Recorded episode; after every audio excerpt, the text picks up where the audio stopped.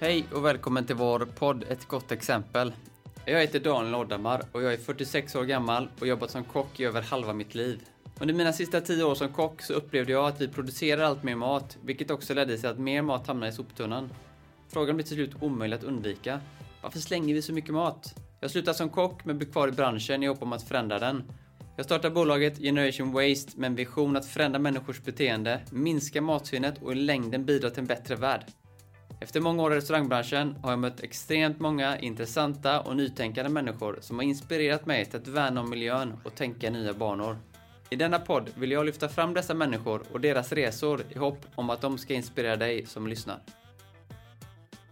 I denna podcasten pratar vi ofta om att hållbarhet och pengar går hand i hand. Spenderar vi mindre pengar så är det oftast bättre för klimatet och vice versa. Dagens gäst, Hanna Olvenmark, har i mångt och mycket byggt hela sin karriär runt detta påstående. Med konceptet Portionen under tian så har hon delat med sig av klimat och plånbokssmarta recept i fem år och folk fullkomligt älskar det. Med över 150 000 följare på Instagram, flera medverkande i TV och radio och två släppta kokböcker så kan vi utan överdrift påstå att hon har spelat en stor roll i kunskapsspridandet när det kommer till näringslära och kanske framförallt om hur maten påverkar vårt klimat. Vi säger välkommen till Hanna Olvemark och till er som lyssnar, god lyssning. Hej och välkommen säger vi till Hanna Olvemark till um, podcasten uh, Ett gott exempel. Tack. Du är ju kokboksförfattare och du är helt enkelt uh, influencer och bloggare. Mm. Mm.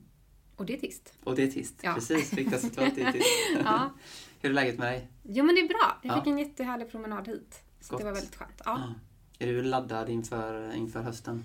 ja, det är jag faktiskt. Jag har varit föräldraledig i våras framförallt. Och eh, om man driver eget företag så är inte det den enklaste ekvationen. Eh, så att jag är jätteglad för att börja jobba mer igen. Så Mm. nu jobbar jag 50% och är väldigt peppad på höst generellt. Jag älskar hösten. Härligt. Hur ser en arbetsdag ut för dig och en arbetsvecka? Ja, men arbetsveckorna är så här, varannan vecka jobbar jag två dagar och varannan vecka jobbar jag tre dagar. Eh, och eh, dagarna är liksom lite allt möjligt. Men varje vecka spelar vi in nu en podd, jag och min kollega. Jag har en kollega nu också. Och sen så är det att skapa recept, jag gör såna här saker, är gäster i andras poddar. Vi eh, håller en kurs just nu, så vi preppar för den. Sen är det säkert någon föreläsning. Alltså det är väldigt, väldigt olika. Sen spenderar jag många timmar, lite för många på Instagram också. Eh, så att det, det kanske inte sker på arbetstid alltid.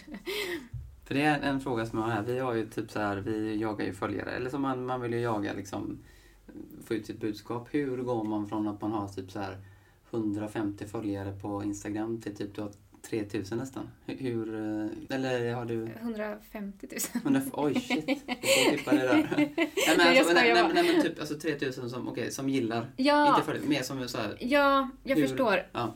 Åh, jag vet inte. Alltså jag, jag kan typ inte svara på hur man ska göra. Jag har nog bara själv gått till vad är det jag vill förmedla och tryckt jättemycket på det. Um, och jag, det finns ju liksom säkert strategier för hur man kan bygga upp ett följarantal med antingen hur man så här hashtaggar, hur, när man postar, man är inne på andras. Men jag bara sket i allt det. Jag, bara, jag ska bara göra det här från mig. Och förhoppningsvis gillar folk det så, så kommer det växa. Och gillar folk inte det så kanske jag inte ska ha det här som något jobb. Så att jag har inte, jag har aldrig följt en enda strategi i hela mitt liv när det gäller att arbeta. Eh, Fan vad gött. Du är det själv helt enkelt. Alltså det, Mm. alltså det här vill jag göra. Och så Ja. får det bara så här... eh, Ja, exakt. Och eh, det tog ganska, alltså jag har haft Portion under tian har den 10 september funnits på Instagram exakt fem år. Och om jag liksom tittar tillbaka så, um, så var det ju ett år, då hade jag kanske runt 1500 följare. Det tog typ ett år och sen så Sen så var jag någonstans och då bara fick jag lite mer följare. Alltså om man är på tv-program och sånt där. Eh, och sen är det artiklar, så sådant är oftast väldigt effektivt för att liksom få fler att se en. Eh, men det är ändå, alltså det tar tid. Jag tror inte man ska för, förringa tålamodet. Säger jag som är verkligen 0% tålamod. Men jag, nu när jag tittar tillbaka kan jag ändå se att det gäller faktiskt att vara ganska konsekvent. Och jag upplever kanske att väldigt många vill göra allt på Instagram. Man håller sig inte inom det man är bra på, utan man ska vara liksom lite här och lite där. Och det kan man nog zooma ut kring när man har fått en bas. Nu kan jag känna att jag kan zooma ut kring typ igår. Jag har PMS, det är skitjobbigt. Det hade jag nog inte lagt upp för fyra år sedan. Eh, faktiskt, för att då hade jag kanske känt att det blir lite spretigt samtidigt som att jag inte ville dela med mig av det heller. Eh, utan jag tror att man ska faktiskt vara sjukt konsekvent. Vad är det jag vill förmedla? Och bara göra det igen och igen och igen och igen. Men väver du in din, din familj och din... Eh, så att, är du liksom familjär på Instagram? Är du också så här personlig? Eller är du...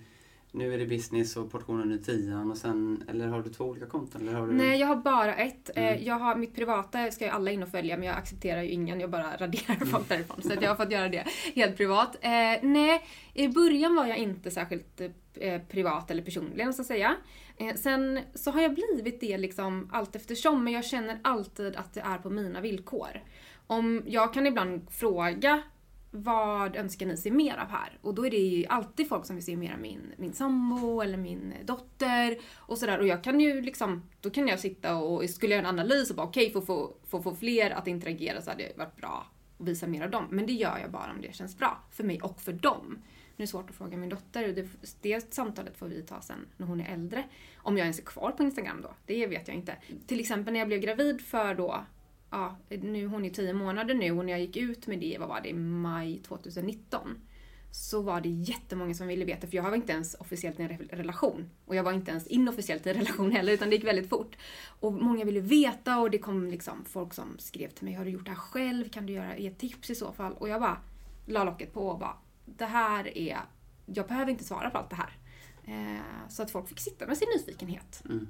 Eh, så att, eh, och det tror jag är jätteviktigt om man är ute på sociala medier och sätta sin egen um, inte sin egen prägel, men att allt jag gör här känns faktiskt okej. Okay. Mm. Sen är det självklart att jag ibland kan ångra, varför delade jag det där? Men det är inte liksom, det är inte stora saker jag ångrar.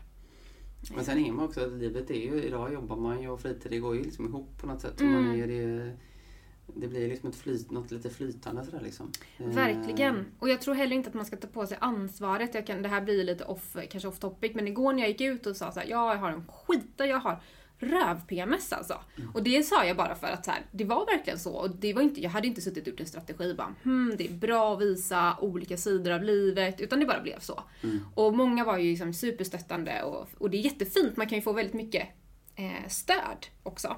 Eh, men det var också ganska många som skrev, åh vad bra att du visar det här, vi behöver se mer av baksidorna eller bakom in influencers och sådär. Och jag bara, ja fast man orkar verkligen inte alltid. Alltså när jag öppnar upp den kanalen så får jag också väldigt mycket input. Mm. Och jag menar det är som att kanske någon är på jobbet och bara, man ställer sig inte upp och bara “jag har skit då!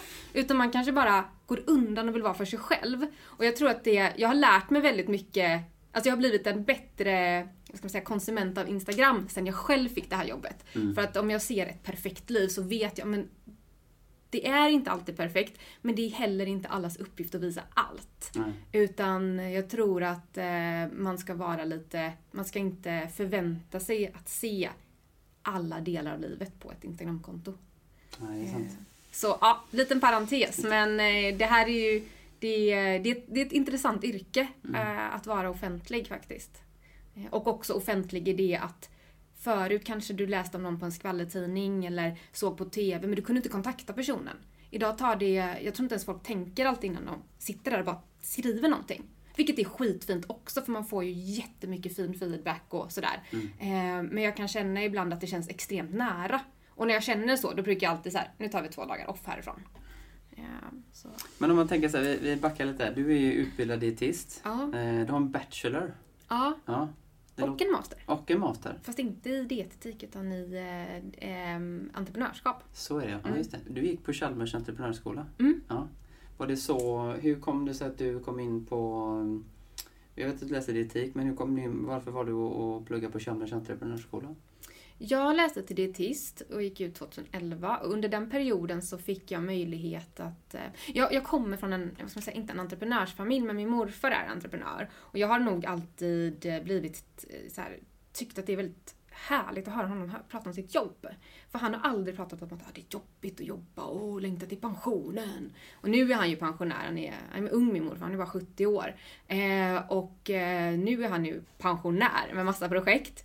Eh, men det, jag, jag bara gillade att höra hur han snackade. Så att när jag blev dietist, eller pluggade till dietist. Vad jobbade morfar med? Han har drivit, alltså det är ganska roligt om man tänker klimatarbetet, han har varit eh, tagit in Burger King som franchise i Sverige. han har Oj. drivit fyrverkeriföretag. Eh, han har eh, också startat ett, ett schemaläggningsföretag som heter Time Edit. Och det är ju det Chalm, alltså nästan alla universitet arbetar med idag. Grymt. Ehm, vilket jag gjorde faktiskt en sväng in på det företaget efter Chalmers och bara no, no, no, det här är inte min grej. Men, men under utbildningen till dietist så pratade många om att man kan, man kan jobba kliniskt, man kan jobba eh, i primärvården, du kan jobba som egenföretagare.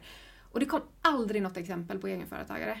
Alltså de sa typ att man kan jobba som, jag, jag, jag gillade den tanken, men såg inte ett exempel på det. Och sen var det en tjej som hette Anna Hamilton och en kille som hette Carl Johan Pil som startade ett, eh, en hemsida som hette Matvett.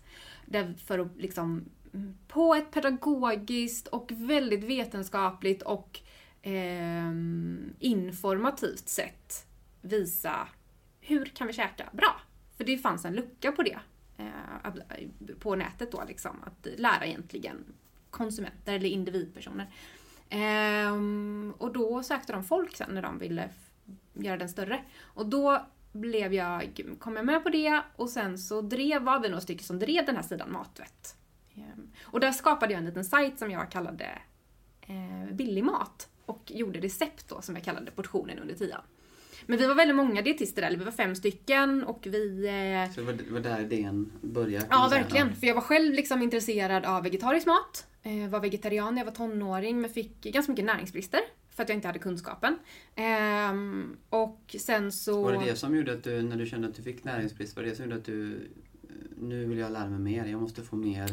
För det är väl lite grann det som är ett problem när man går över till vegetarisk mat och vegan, att man kanske inte har kunskapen riktigt Ja. när man är lite yngre. Det kan absolut vara ett problem. Eh, sen ska man också lägga till att det kan definitivt vara problem även om man inte äter vegetarisk och vegansk kost. Jag kan känna ibland att den debatten är lite för enkelspårig, eller den diskussionen att eh, men om man ser överlag så äter inte svensken jättebra. Mm. Eh, så att, men eh, jag var nog generellt intresserad av hälsa och människor. Alltså det är ju så, så vaga liksom, intressen egentligen. Jag tränade väldigt mycket, var, var väldigt intresserad av löpning och sådär. Men nu ska vi se, vad, Vi var- på, tillbaka till eh, Matvett matvett och portionen ja. i tian, idén där. Så, så när jag gick ut så, um, som dietist så blev det ju att jag fick ett jobb på sjukhus. Eh, vilket eh, var jättebra att få komma ut i det. Men jag kände nog ganska snabbt att oj, det här är nog inte för mig. Alltså man kan ju, när man har pluggat, då kan man ha väldigt mycket jag upplevde i alla fall så här pluggtiden som fantastiskt rolig, man träffar mycket roligt folk, man får lära sig saker och man har också en hög tilltro till livet efter. När jag sen börjar jobba, då ska jag liksom bli den personen som jag ska fortsätta vara. Och jag fick bara som en kalldusch och bara, jag trivs inte alls i det här. Och har jag valt helt fel, har jag valt tre år på någonting som inte passar mig. Så jag eh, bodde då i Eklanda, eh, hyrde ett hus av min morfar för att han hade liksom ett litet annex på sin tomt. Och pendlade till Borås eh, och jobbade på Borås sjukhus. Och bara kände till slut att jag, jag, typ, jag tror att jag dör om jag fortsätter så här. Alltså verkligen, det var som att jag bara... Ska, ska jag hålla på så här? Jag har jobbat då i ett år. Ska jag göra det här i 40 år till? Ja men då kommer jag låta som vissa gör på det sjukhuset. Sjukt bittra. Mm. Ehm, och så fick jag... Eh, eh, sen fanns det jättemycket delar i sjukhusarbetet som var fantastiskt. Men det kanske, det, jag tror inte att det alltid är en bra miljö. Man är extremt, vill vara väldigt kreativ, har väldigt mycket svängrum och eh, inte vara liksom, det är mycket tider som ska passas. Man kan inte bara göra hur man vill. Det är liksom rimligt när man håller på med en patient att man inte kan bara balla ur totalt. Eh, och jag behöver mycket svängrum för att annars känner jag mig väldigt instängd. Eh, så En liten passus där. Vi, hade, vi pratade med Sofia B. Olsson som är kökschef på Vrå Ja, eh, mm. förra veckan. Och hon har också så här rätt många trökjobb innan när man satt och bara kollade på klockan. För Ja. nu är klockan så har du två timmar kvar till lunch här. Men när man gör någonting som är helt roligt och man brinner för det, då, Mm. eh, då bara lossnar det. Liksom, att, att, att, att man känner att ja, tiden går så fort så jag hinner knappt med. Liksom. verkligen. Att Och jag, kall, alltså att hitta vad, är vad fan vill jag göra liksom. Ja, och framförallt så kände jag nog... Ja, tiden gick sjukt fort på sjukhus. Man hinner inte med alls det man vill liksom... Och, jag och han i alla fall hade väldigt liksom... Eh, det är också väldigt, jag tyckte det var väldigt jobbigt att känna att jag aldrig var tillräcklig för de människorna som var sjuka. Och det tror jag att alla inom vården kan nästan relatera till. Eh, så. Men, men jag kände snarare att när jag åkte hem från från jobbet att jag bara, jag vill, jag vill inte vakna imorgon. Så kände jag till slut. Och bara, det är inte bra. Det är inte ett bra tecken när man känner så för sitt jobb. Och jag var inte utbränd eller sådär. Eh, men jag kom definitivt in i en depression. Som jag är så tacksam för idag. För den, det var faktiskt inte, det var inte mig det var fel på om man ska säga så, utan det var situationen som inte var bra för mig. Ehm, så att, eh, i psykologarbete så insåg jag att jag, eh, jag är faktiskt på fel plats. Så. Ehm, och hade bara av en, det var ganska kul för en kollega där då på sjukhuset, det var liksom den barskaste dietisten, jag var livrädd för henne i början. Hon var liksom såhär, mm, knackade man på hennes dörr så var hon såhär, ja Eh, och så kom jag in och liksom bara ville ha lite rådgivning kring någon patient. Men hon och jag åkte buss eh, ihop varje, eh, varje, varje liksom dag. För vi bodde båda i Göteborg. Och så började vi prata och hon hade någon dröm om att typ öppna någon grej, kurs i Spanien. Så hon och jag drog till ett sånt här, eh, till Venture Cup, ju ett, eh, ett, eh, en affärsplaneringstävling. Mm. Och där mötte jag, så sa jag bara, men jag är dietist och jag tycker att det här är så spännande. Och då var det någon som bara, men du det finns en dietist inne på Chalmers entreprenörsskola. Ska du inte ta numret till henne? så jag liksom skrev ett mail till henne, eh, jag ringde henne inte. Och bara, det finns en dietist som har kommit in på den skolan. Jag kanske har en chans. Och så sökte jag till det och kom in. Eh, så det var så roligt att jag fick med mig den här personen som jag var mest rädd för av kollegorna. Och hon var så här, hon skrev något, hon skrev något intyg att den här, eh, men vi, vi ville både utveckla mycket eh, och eh, eh, hon peppade mig verkligen till att söka den här utbildningen.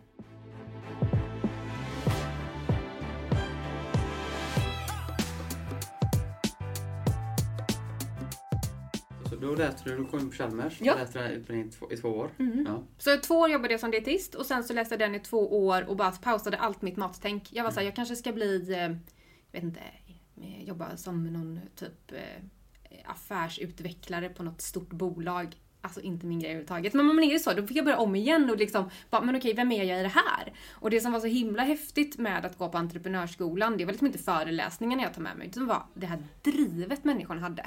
Som jag inte kände från dietistutbildningen. Alltså folk var drivna där med, men jag kunde nog känna mig lite så här jag ska inte säga som en, inte som en outsider, men jag, jag bara såg en annan framtid framför mig än att sitta på sjukhus. Eh, och här var det bara människor som bara, man gick bara locko liksom. Jag hade någon konstig idé med någon. Jag bara, du jag vill bolla det här. Då gick man in och bara gjorde någon, liksom, någon grej på tavlan. Och bara, ah, okej okay, vi kanske inte gör något av det här. Men kul timma, nu har vi i alla fall fått prata om det. Typ. Eh, och det var så hela tiden. Så det här gänget också, de här, eh, att få träffa likasinnade. Jag hade nog inte förstått hur viktigt det var. Eh, och det här är ju människor som jag absolut har kontakt med idag och idag jobbar jag även med en, en, eh, en min bästa kompis från den utbildningen. Men så att jag pausade matvett, jag, liksom bara, jag kommer inte hinna det också. Eh, för vi fick ju inte in en krona på det. Alltså just den här vikten av en hållbar affärsidé är ju också när man kan leva på det i viss mån. Eh, och vi, det här var bara, vi gav ut hur mycket material som användes hej vilt av dietister på sina arbetsplatser för dietister hinner inte sitta och göra sånt material. Eh, som, så folk bara liksom, använder det, vilket ju var bra, men det, det funkar ju inte eh, i längden att, att, det, att det är så.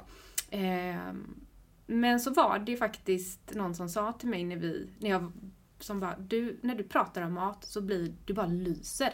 Och jag hade nog inte riktigt tänkt på det själv. Jag bara, aha, okej, okay, jag tar med mig den här kommentaren, får vi se var den landar sen. Och sen eh, när jag var färdig på Chalmers så var jag ju liksom ännu mer förvirrad än innan. Då hade jag en dietistutbildning eh, som grund, men master i entreprenörskap. Jag kan säga att den kombinationen var ju inte direkt så att storbolagen bara längtade efter den, utan de bara, de ska ha ingenjörer eller jurister och sådär. Eh, så eh, då snappade min morfar upp mig och bara, du kan få börja jobba på Time Edit. Och jag bara, okej okay, jag behöver pengar.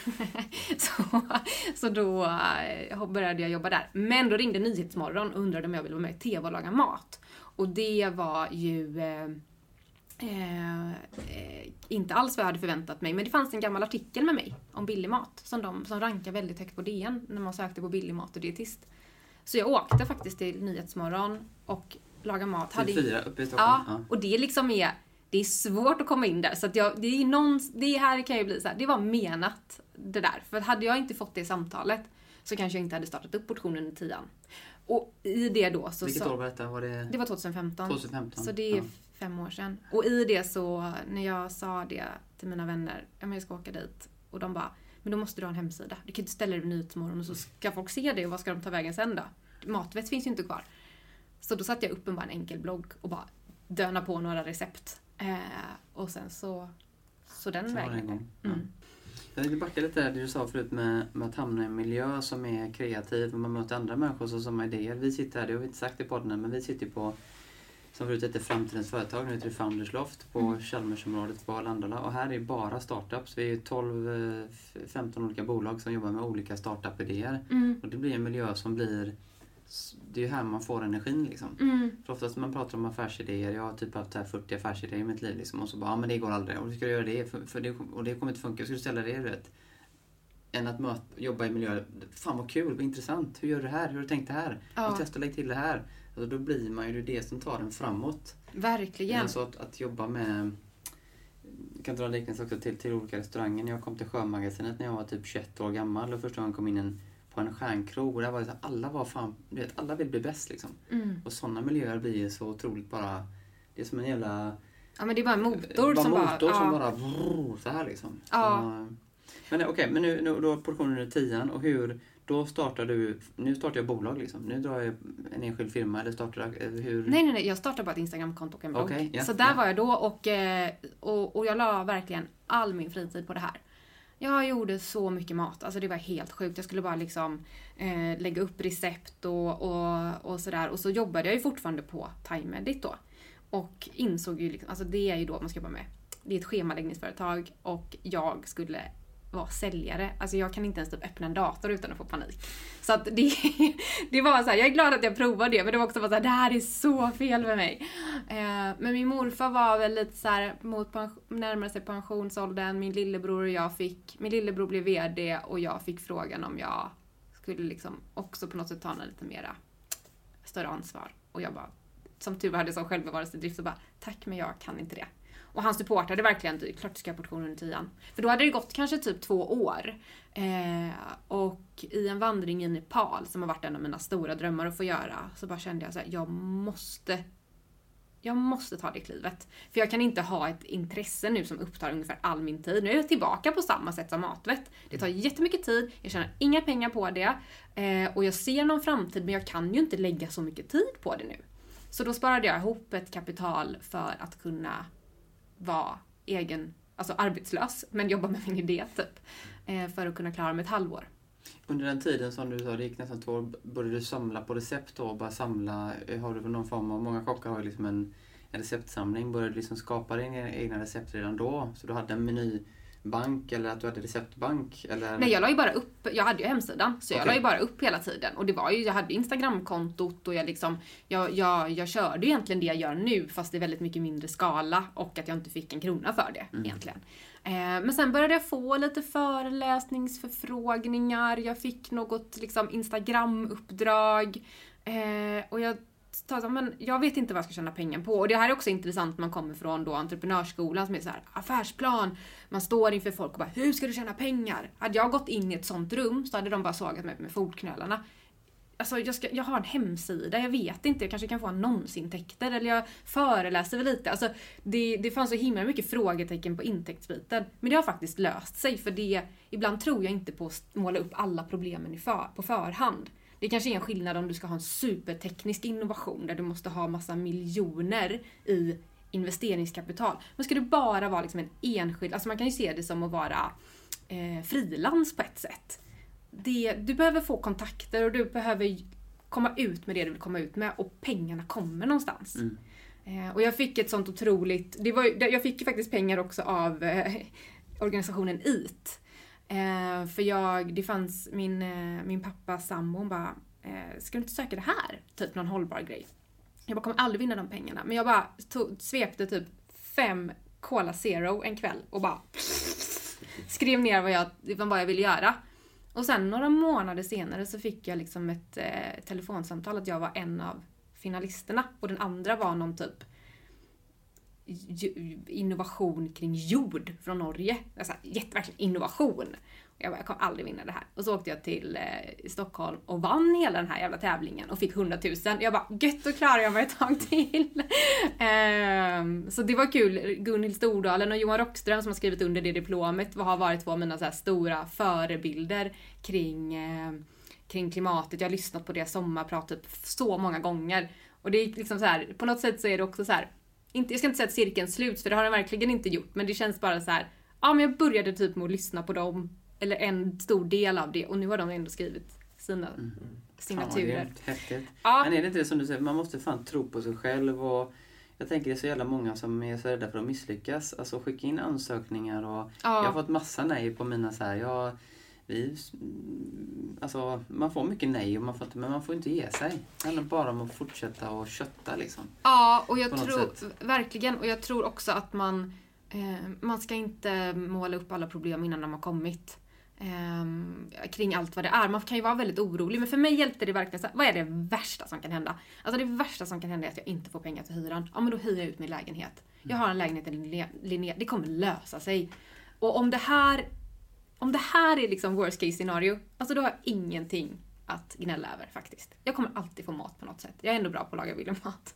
Eh, så, eh, och alla typ stöttade mig också runt. Så att jag tror att det, det är verkligen viktigt att våga, våga göra det man liksom känner att man vill göra. Och samtidigt också våga så här stänga ner någonting om det här inte funkar. Hade det inte funkat så hade det inte funkat. Då behöver man inte så här bångstydigt kämpa och kämpa och kämpa och kämpa. För mig är det väldigt viktigt med att få lite positiv reward kontinuerligt. Det behöver inte vara stora saker men det kan vara som idag fick jag ett eh, meddelande när jag vaknade eller såg liksom en person som bara, jag älskar er podd, jag har precis fått cancer. Den här podden är typ min chans. Då, då får jag slappna av från den ett litet tag. Och bara, fan vad fint. Men det är klart vi ska ha ett till avsnitt.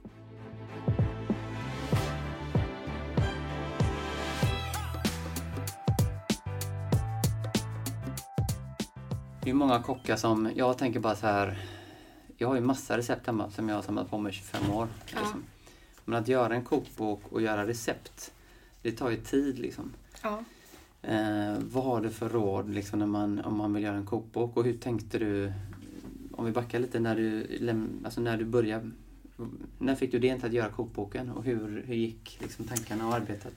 Ja, men jag fick idén ändå ganska tidigt, tror jag. Alltså jag tror att många kan ha en dröm, jag ska skriva en bok. Så här. Eh, men jag hade kanske inte riktigt den drömmen. Men jag kontaktade faktiskt ett gäng, eh, ett av de stora förlagen. Eh, och då var jag ganska tidig ändå. Då hade jag haft hemsidan i kanske två år. Och då så sa den personen att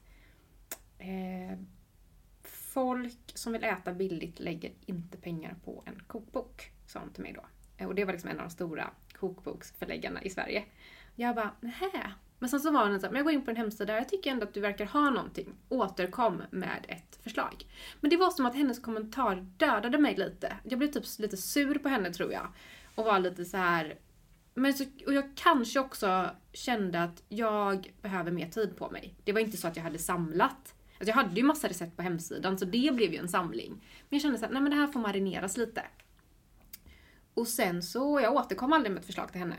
Eh, sen fick jag under loppet av samma vecka hörde både Bonnier, Bonnier och Ordfront av, eh, av sig till mig. Så du skickade efter fler? Alltså, nej, de hörde av sig. Aha, Och okej. jag fick Mm. även, för, då, då hade jag börjat synas mer Mm. och sådär. Ehm, så jag träffade faktiskt, och det var även lite mindre förlag som hörde av sig. Eh, men så träffade jag Bonnier och Ordfront på samma dag. Eh, och kände bara, Ordfront är det förlaget jag ska göra med. För de, vi rimmar så himla mycket mer värderingsmässigt. Det var viktigt för mig. Jag gör väldigt mycket i mitt arbete, väldigt mycket känsla. Jag känner efter, känns det här bra? Eh, ja, då kör vi. Nej, det är något som skaver, jag vet inte vad. Vi avvaktar.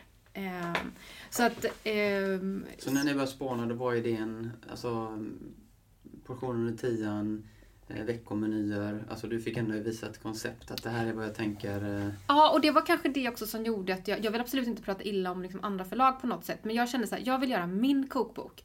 Eh, och när jag pratade till exempel med Bonnier så var det så här, vi tänker att du kan göra det här. Och jag bara, men vänta nu, det är inte exakt det här jag gör. Jag är ju bra på exakt det här. Och när jag kom till Ordfront, bara, vad vill jag för bok? Jag bara, det här. De bara, okej, bra. Så här. Och så sa jag, jag måste, jag måste fundera lite eh, på på, eh, på det här. Det var roligt också för jag hade faktiskt skrivit ut en liten, eh, jag gjorde, ibland gör jag såna här moodboards i form av eh, typ så här, vad vill jag få in mer under mitt år? Så hade jag gjort en sån inför det året och så hade jag klippt ut en liten bok som heter Ja men den heter Rätt ur jorden eller Ut ur jorden. En liten, liten liksom bara. För jag bara typ, ja, det här ser ut att ha med mat att göra. Jag klistrar upp det. Bland annat med alla de andra grejerna på kylskåpet. Och sen precis när jag ska gå därifrån från Nordstrand, då tar han en bok från hyllan. Han bara, här har du en bok. Och så är det den boken. Som du pratar om affirmationer. Mm. Som jag bara hade haft och sett varje dag liksom. Det var bara en sån match. Bara. Ja, och jag bara, det här är sjukt. Alltså så här. Men eh, så gick jag och började, det tog ju liksom lite tag, ett litet tag innan jag exakt nailade ner vad är det jag vill, exakt vad vill jag få med i den här boken. Eh, men jag ville få med mitt tänk. Och mitt tänk är ju det jag kallar liksom stay cheap. Och det innebär ju att äta viss typ av livsmedel, framförallt säsong. Eh, äta mycket baljväxter, spannmål. Eh, man behöver inte ha sju miljarder kryddor, utan några kryddor. Och sen så varierar man det här på olika sätt. Och sen lite tankar om minska svinnet, ta med matlåda, sätta upp ett mål för en dröm. och sådär. Och sen då de här recepten. Men jag har ju inte gjort, jag har ju gjort boken på ett sätt själv, men jag har också haft eh, ett team. Och jag tror att teamet är väldigt, väldigt viktigt. Och de kommer från förlaget då? Det är de ja, som, de mm. kopplar på mig med redaktör, eh, de kopplar på mig med en formgivare, en eh, fotograf. Och tillsammans har vi skapat den här boken. Men det har varit, de var också så jäkla bra bara, men jag måste bara få mer bild av dig, vem är du? Så fick jag också typ så här, de bara gick in på mitt instagramkonto och skickade, skickade bilder och de bara okej okay, nu börjar jag förstå. Mm. Så att jag har jobbat med så jäkla bra människor. Och min egen tanke om den här boken var ju inte att Alltså jag, jag har, nog, har nog någonstans, jag är absolut en bokperson själv, jag älskar att sitta och bläddra i böcker. Men jag har tänkt att nu finns så mycket digitalt, varför ska man gå till en bok? Men det är en annan sak att sitta slutet, upplever jag själv. Och boken har ju eh, den såld, var ju den bäst säljande kokboken 2018 blir 2019. Det måste det bli, det är 2020 nu, ja 2019. Fan vad gött. Så det är så här, jag kan bli lite så här också till den här personen då som sa bara, ja men folk som äter billig mat lägger inte pengar på en kokbok. Det var bara så här, det var hennes förutfattade mening för det kanske har varit så. Men så, så kommer kanske jag på ett, och presenterar det här på ett nytt sätt. Det är inte studentkokboken utan bilder utan vi har sjukt mycket tid på att göra den jävligt snygg liksom. Eh, så att också i det här när vi pratar om... Eh, och hur lång tid tog det från ax till limpa? Alltså från hela... Jag skrev kontraktet i mars och den kom ut i december så att jag skrev den på ett halvår ungefär. Um, och, och det, alltså jag är... Jag... Får, man, får man typ så här, men nu får du lite förskottsbidrag så här, får man lite pengar för det, tiden måste du ändå Nej, man får den faktiskt när den är inskickad får man förskottet. Så att, eh, bok, jag har ju fort, jag har kommit ut med en till bok. Jag har så, inte... så du gör, alltså, du gör hela kokboken i stort sett? Mm. Och när den är i stort sett klar, då får du betalt? När den har skickats till tryck då får jag en viss peng. Okay. Och sen så kommer, jag har fortfarande inte, sett uh, merparten av de här pengarna. Nej. Jag vet typ inte hur mycket pengar jag ska få. alltså så här, det är liksom... Eh... Men det ser ut att du får någon form av royalties per bok? Ja, liksom. precis. Eh, och det här kan man ju förhandla och sådär såklart och säkert när man kan få pengarna och så. För det är faktiskt så att man tänker kanske att man får pengarna när du, du som konsument går och köper boken. Ja men vad gött, nu stöttar jag den här personen. Och det gör man ju på ett sätt. Men kanske, de pengarna kanske kommer in typ ett och ett halvt år senare. När jag läser den här kokboken så är det också det här med att klimatberäkna någonting. Mm. Eh, och hur kom du i kontakt med, jag vet att du samarbetar då med, med Carbon Cloud mm. och lite med RISE. Hur, var, hur kom du i kontakt med, varför ville du göra det?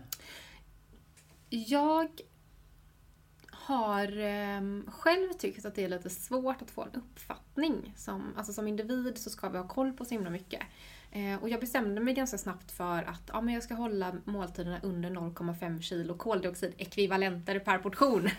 eh, eftersom att det är ett eh, mål kan man väl säga som WWF har satt upp för att vi ska klara 1,5 graders målet eller som uppvärmning. Eh, och det här då gäller för maten och huvudmåltiderna.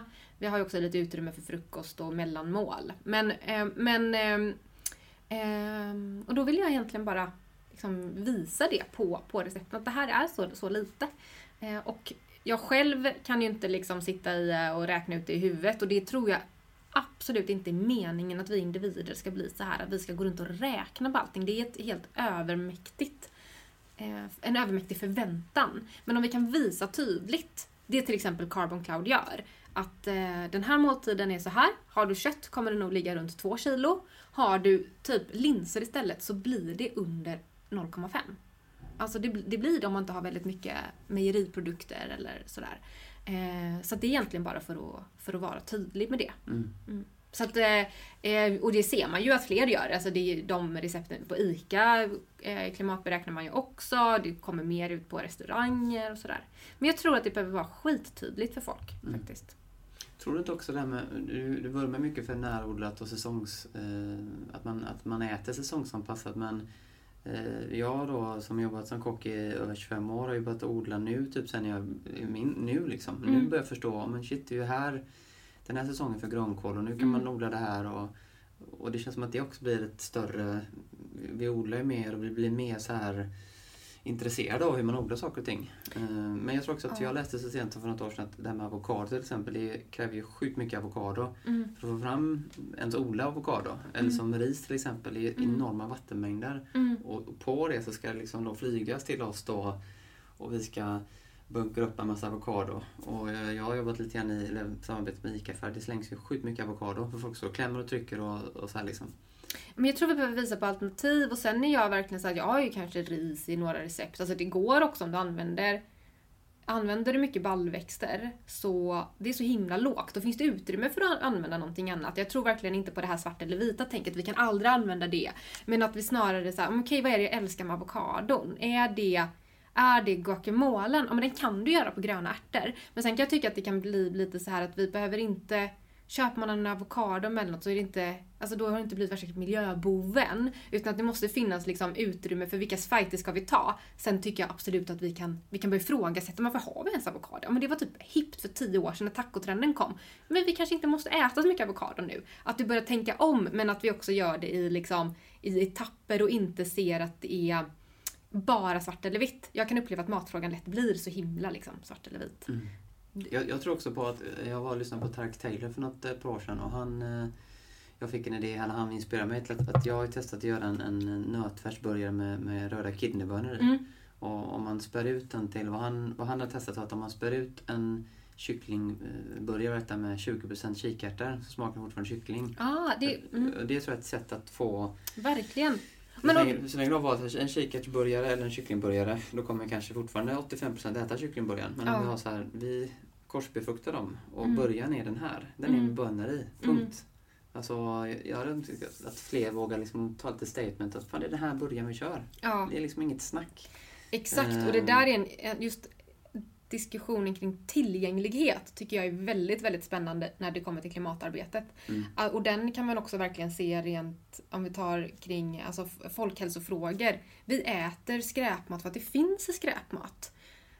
Vi dricker läsk för att det är så otroligt lättillgängligt. Vi ser det hela tiden. Det är, snar, det är så himla svårt idag att vara människa när vi hela tiden får, ska säga, inte säga frestelser, men att det finns väldigt mycket liksom, ganska kassalternativ. Mm. Eh, och att göra där då, alltså tillgängligheten, finns det en, en, en burgare, behöver inte ens säga att den är hälften bönburgare, kalla den bara burgare eller Mm. någonting. Då kommer man att köpa den. Eh, men när det hela tiden finns eh, andra alternativ som kanske då är billigare eller sådär, då gör vi, eh, då gör vi ofta det valet. Så att just prisaspekten är också väldigt intressant.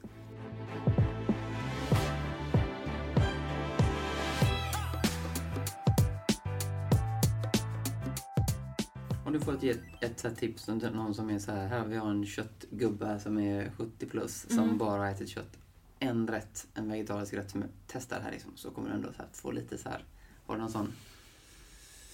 Jag skulle nog säga, vad gillar den här personen? Jag tror att det är en ganska bra början. Vad, Mm. gillar, vad gillar den här människan att äta? Gillar den liksom potatis, eh, eh, liksom någon typ av sås och någon liksom boll? Ja men kanske Eh, kanske börja där. Ja men vi kan göra någon typ av, ja men som du sa, vi kanske kan dryga ut. Vi kanske inte behöver ta bort köttet helt utan vi kör hälften hälften. För att det fortfarande ska finnas smaken. Så jobbar man ju med barn. Alltså när de ska lära sig äta så är det ett väldigt bra sak att ge dem saker de känner igen och någonting nytt samtidigt. Det här är lite tryggt, det här är lite nytt. Och sen så tar det lite tid. Jag tror inte heller att vi behöver ha liksom, ehm, vad ska man säga, förväntningar att det ska gå från den ena dagen till den andra. Den, utan det får ta, det får ta tid. Mm. Men de rätterna jag märker att väldigt många gillar från hemsidan, det kan ju spegla lite vad som faktiskt äts hemma. Uh, Lins stroganoff skriver många att det går, det går hem hos de flesta. Även en, gör en kokosmjölksgryta med, eh, med kikärtor, curry, alltså också så ganska snälla smaker. Eh, grönkålspasta är en rätt som går hem hos väldigt många. Eh, gjorde häromdagen en tacopaj som jag var så här extremt nöjd över. Med lite belugalinser i. Den verkar ha gått hem. Ja, eh, så att det, jag, eh, jag...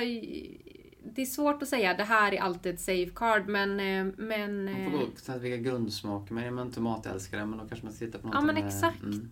Grytor generellt tror jag är en bra övergång om man gillar grytor, för grytor är oftast lite blandat med allt möjligt.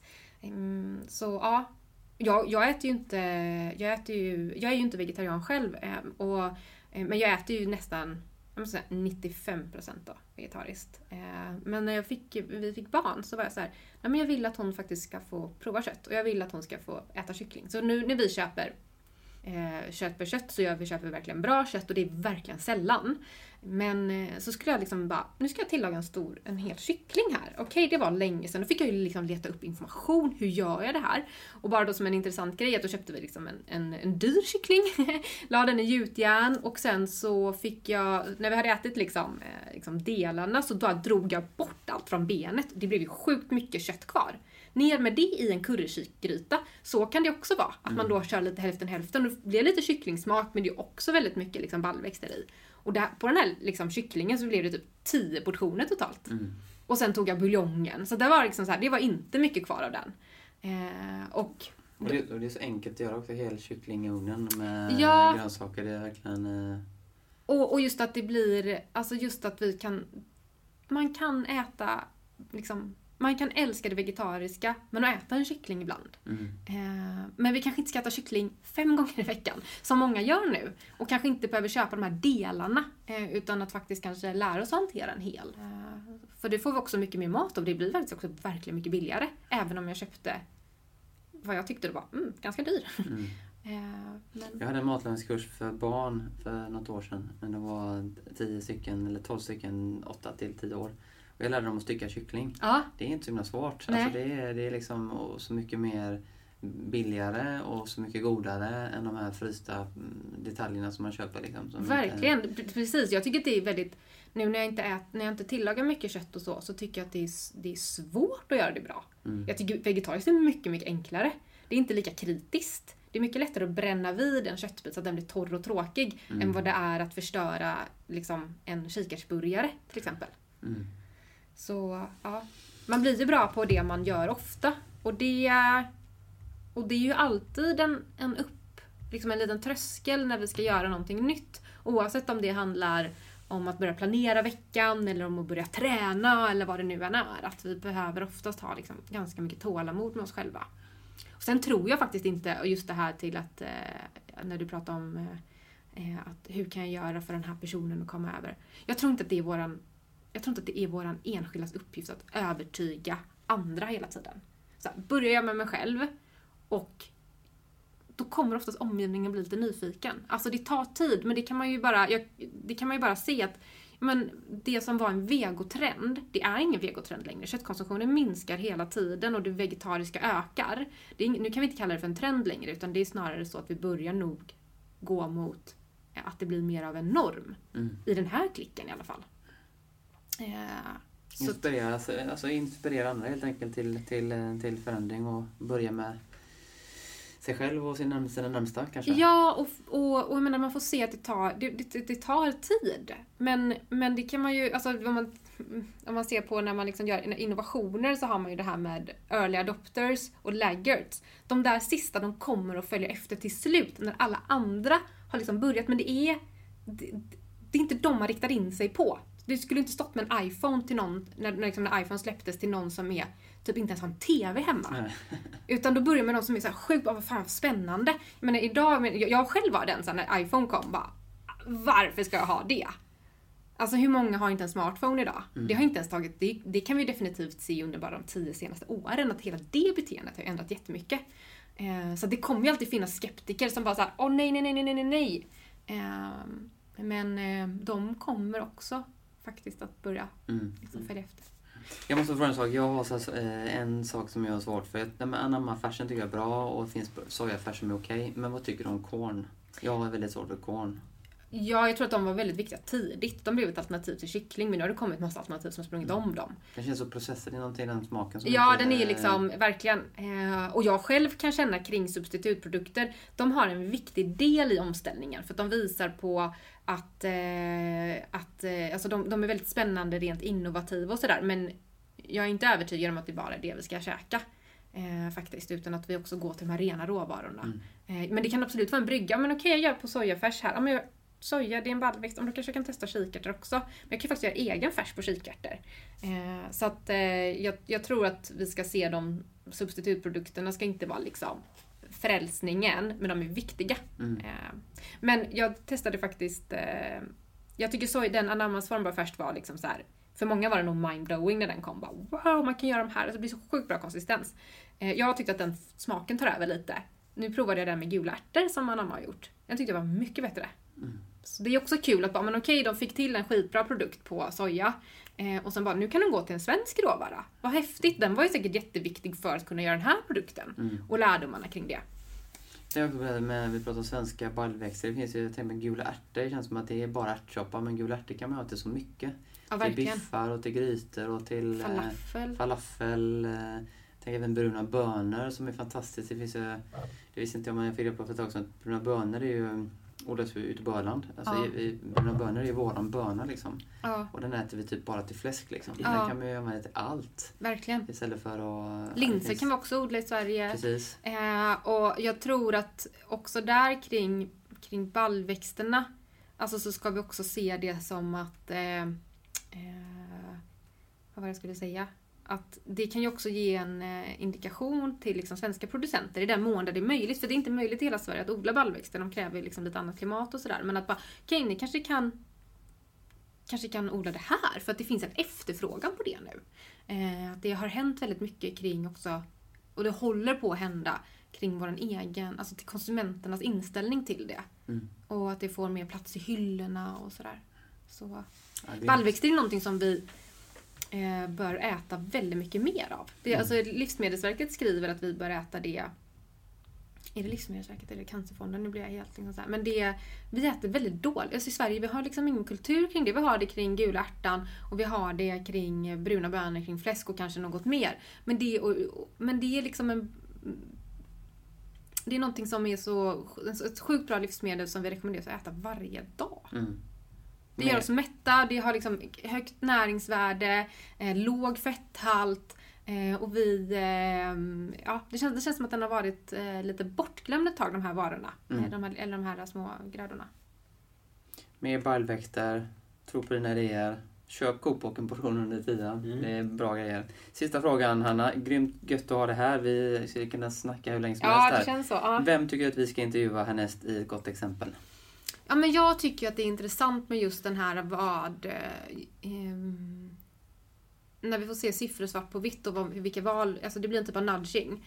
Eh, så jag tycker att ni ska faktiskt intervjua David Bryngelsson från Carbon Cloud som kan prata mer om hur de har jobbat med koldioxidberäkning på restauranger och festivaler. Jag ska själv träffa honom idag så det är, han är lite top of mind nu. Men eh, ja, det tror jag hade varit intressant. Hälsa David från oss. Och det är inte Rickard Bryngelsson Nej. brorsa, utan Nej. släkt. Vi, Vad heter din podcast om man vill lyssna på den? Eh, Stay Cheap-podden. Stay cheap, yes. grymt bra podd. Jag lyssnar på flera avsnitt. Mm. Kanon. Tack för att du kom och lycka till med allt och hoppas vi ses snart igen. Ja, men tack så Mm. mycket. Gött. Stort tack för att ni har lyssnat på dagens avsnitt. In och följ oss på sociala medier där vi heter ett gott exempel och tryck på prenumerera-knappen i appen du lyssnar i. Vi ses nästa vecka. Ha det gött!